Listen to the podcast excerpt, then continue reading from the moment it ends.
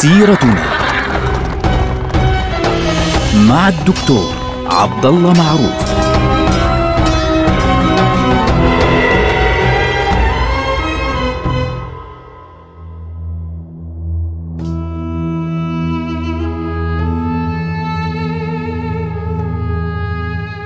السلام عليكم ورحمة الله وبركاته. سيرتنا سيرة هذه الأمة ونحن الآن في عهد السلطان عبد الحميد الثاني. السلطان عبد الحميد الثاني في عام 1901 التقى دون أن يدري بتيودور هرتزل. وكان السلطان عبد الحميد الثاني قد يعني رفض أن يلتقي بتيودور هرتزل عدة مرات على فكرة.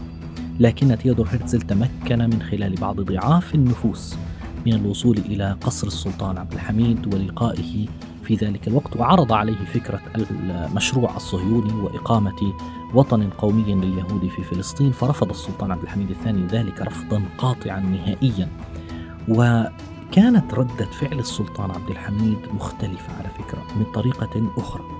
كانت ردة فعله ليست مجرد الرفض وانتهى الأمر ودون أي آه تصرف دون أي عمل لاحقا. لا السلطان عبد الحميد عندما حصل هذا الأمر رأى أنه لا بد من أن يكون هناك مشروع يتم من خلاله ربط أجزاء الدولة العثمانية الأكثر أهمية قلب الدولة العثمانية المنطقة ما بين إسطنبول إلى مكة المكرمة مرورا بفلسطين. يعني هذه المنطقة لابد من ربطها بالكامل بشبكة سكة حديد قوية. تكون إشارة إلى اتصال هذه المناطق بشكل كامل وتكون يعني رابطا أساسيا في هذه البقعة. ومن هنا جاءت فكرة واحد من أهم المشروعات التي قام بها السلطان عبد الحميد الثاني وهو خط سكة الحديد الحجازي. هذا المشروع استمر سبع سنوات ما بين عام 1901 حتى عام 1908 وللأسف لم يكتمل يعني لم يصل إلى مكة. وإنما وصل إلى المدينة فعليا لم يصل لآخر جزء فعليا وهو مكة المكرمة. لكن هذا المشروع يعني الممتد من الشام إلى مكة عبر أراضي الحجاز كان يعني طموح عالي جدا. كان يريد السلطان على فكرة لاحقا أن يبدأ هذا المشروع بهذا الخط من إسطنبول حتى مكة ثم بعد ذلك يوسعه إلى كافة أراضي الدولة العثمانية بحيث ترتبط جميعها بقطار. هذه الفكرة الأساسية. أعلن السلطان عبد الحميد الثاني الاكتتاب في هذا المشروع في عام 1901 ووضعت الشروط المعلنة الواضحة لإقامة هذا المشروع. أول شرط كان قد اتخذه السلطان عبد الحميد في هذا الموضوع أنه لن يسمح لأي رأس مال أجنبي بالتدخل في بناء سكة الحديد الحجازية. لاحظتوا؟ هذه أول نقطة. ممنوع إدخال أي أموال أجنبية. حتى لا يكون هذا المشروع مرتهنا لأي قوة خارجية.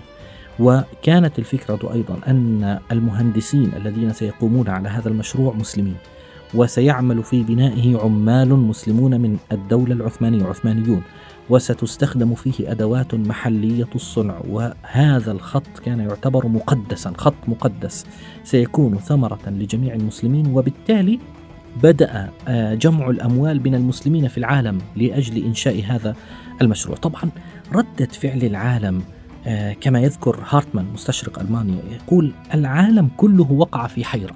إنه كيف كيف تقيمون هذا المشروع الضخم؟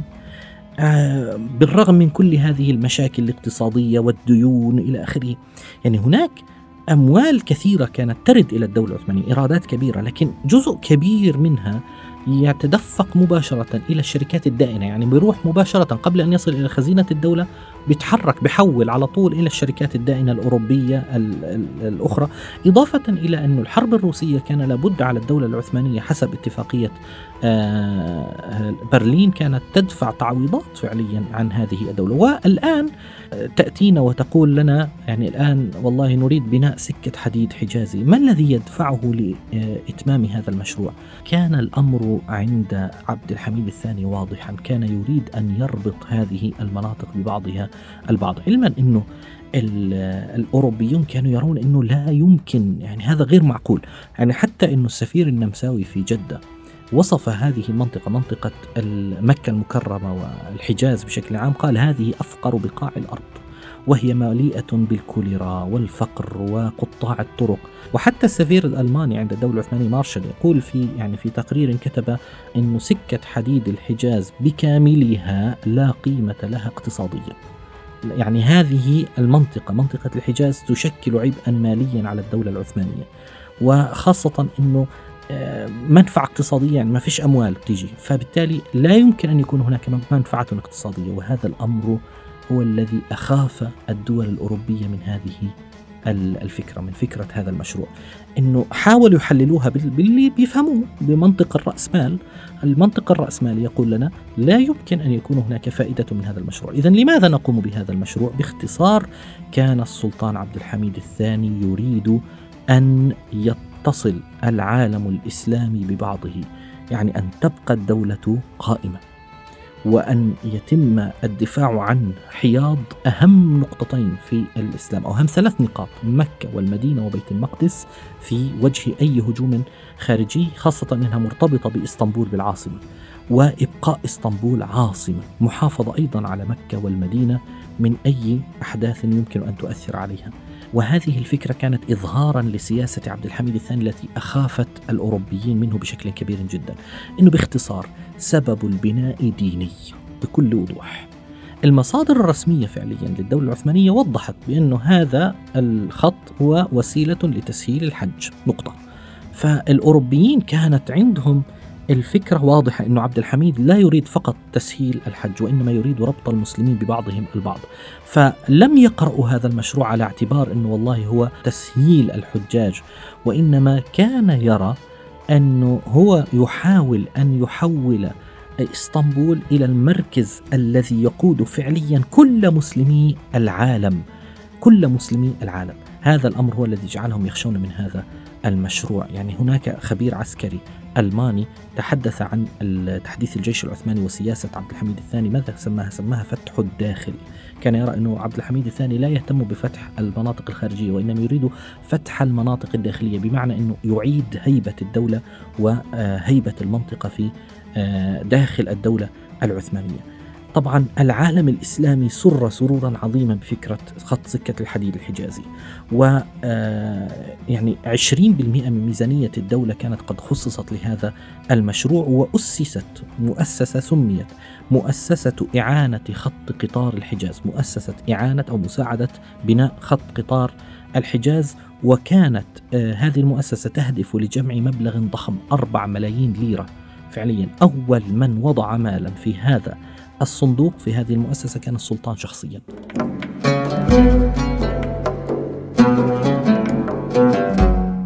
في زمن قصير جاءت التبرعات كما يذكر بعض الكتاب مثل المطر من المغرب من تونس الجزائر من سنغافورة من جنوب إفريقيا مسلمو جنوب إفريقيا اللي في آخر الدنيا من السودان من جزر جاوا من البوسنة من مقدونيا من رومانيا من قبرص في روسيا في الصين المسلمون الموجودون في إنجلترا في ألمانيا بعض المسلمين حتى في أمريكا أرسلوا اموالا لدعم هذه الحملة وهذا المشروع. كان شيء مذهل.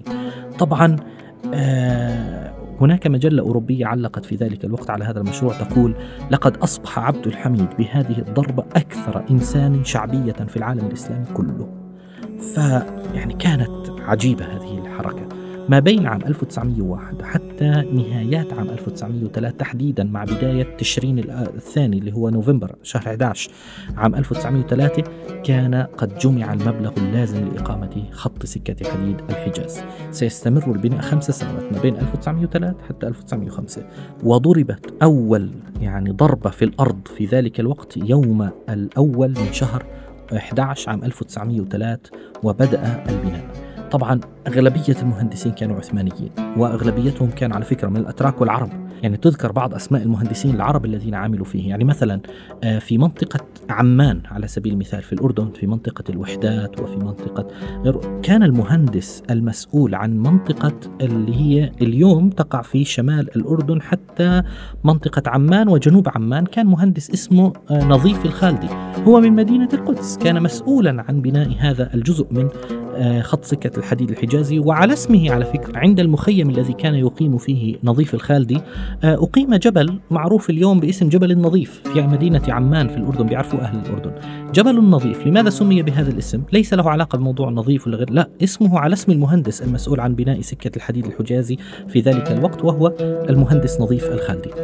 طبعا رغم الحر رغم العطش رغم الجهد رغم التعب تم إنشاء هذا آه، الخط يعني أسلوب مذهل مبهر. تعرف كم جسر ومنفذ حجري اللي هو طبعا الجسور لأنه محتاج القطار أنه يمشي على خط مستمر مستقيم. لذلك نحتاج إلى جسور. تعرف كم جسر أقيم في ذلك الوقت؟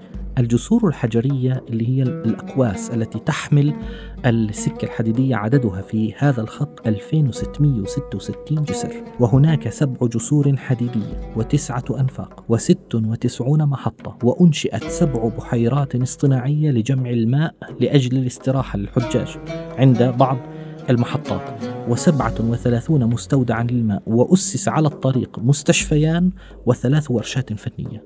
هذه كلها كلها أنشئت على الطريق لكن للأسف لم يستطيعوا أن يصلوا إلى آخر نقطة اللي هي مكة.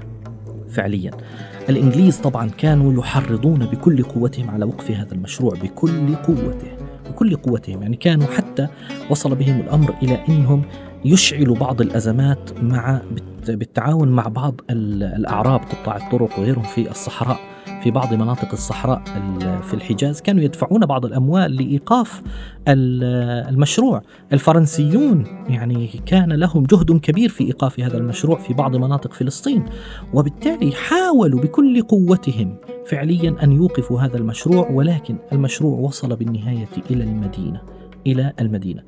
لم يكتب لهذا المشروع الاكتمال كما كان يريد السلطان عبد الحميد الثاني ولكن بالرغم من كل الأزمات التي اصطنعت وبالرغم من كل الأحداث وبالرغم من عدم قدرة السلطان عبد الحميد الثاني على إتمام هذا الحلم بالوصول إلى مكة والوصول فقط إلى المدينة المنورة إلا أن خط سكة الحجاز عمل بالفعل وقام حقيقة وبقي يعمل حتى تم تدمير أجزاء كبيرة منه للأسف في آه، أيام الحرب العالمية الأولى على يد الجاسوس البريطاني المشهور اللي هو لورانس آه اللي بيسموه لورانس العرب كان يدمر بعض الأماكن في خط سكة الحديد لأجل قطع المناطق عن بعضها البعض وهذا الكلام يعني للأسف شديد مذكور في كتب التاريخ المختلفة سواء الأوروبية أو العربية لكن الذي يهمنا أن هذا المشروع بقي موجودا وما زالت آثاره موجودة لليوم بل وأزيدك أيضا هناك الدول الموجودة اليوم في هذه المنطقة اللي على امتداد خط سكة الحديد الحجازي الحجازي بعضها ما زال يستعمل هذا الخط. ما زالت في الأردن على سبيل المثال الخط مستعمل. في سوريا آه، الأحداث قبل الأحداث التي حصلت في سوريا الخط مستعمل. في تركيا هناك أجزاء من الخط ما زالت تستعمل. وبالتالي الخط استعمل بالفعل. في فلسطين ما زال الخط مستعملا واستعملت أجزاء من سكة الحديد بشكل كامل. هذا المشروع كان مشروعا لربط الأمة بالكامل بقوة حقيقية. بقي أن نقول هناك لفتة جميلة قام بها السلطان عبد الحميد الثاني رحمه الله في هذه البقعة. عندما وصل خط سكة الحديد الحجازي إلى المدينة المنورة كان السلطان قد أمر بتغليف السكة الحديدية بالألياف بحيث لا يصدر القطار صوتا مرتفعا احتراما لمقام رسول الله صلى الله عليه وسلم ولأجل تخفيض الضوضاء عن هذا الصوت احتراما للنبي صلى الله عليه وسلم.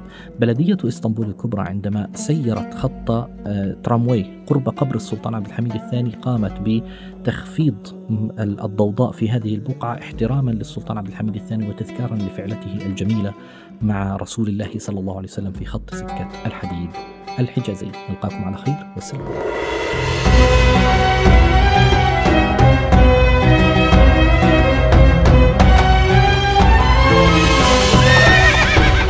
سيرتنا مع الدكتور عبد الله معروف.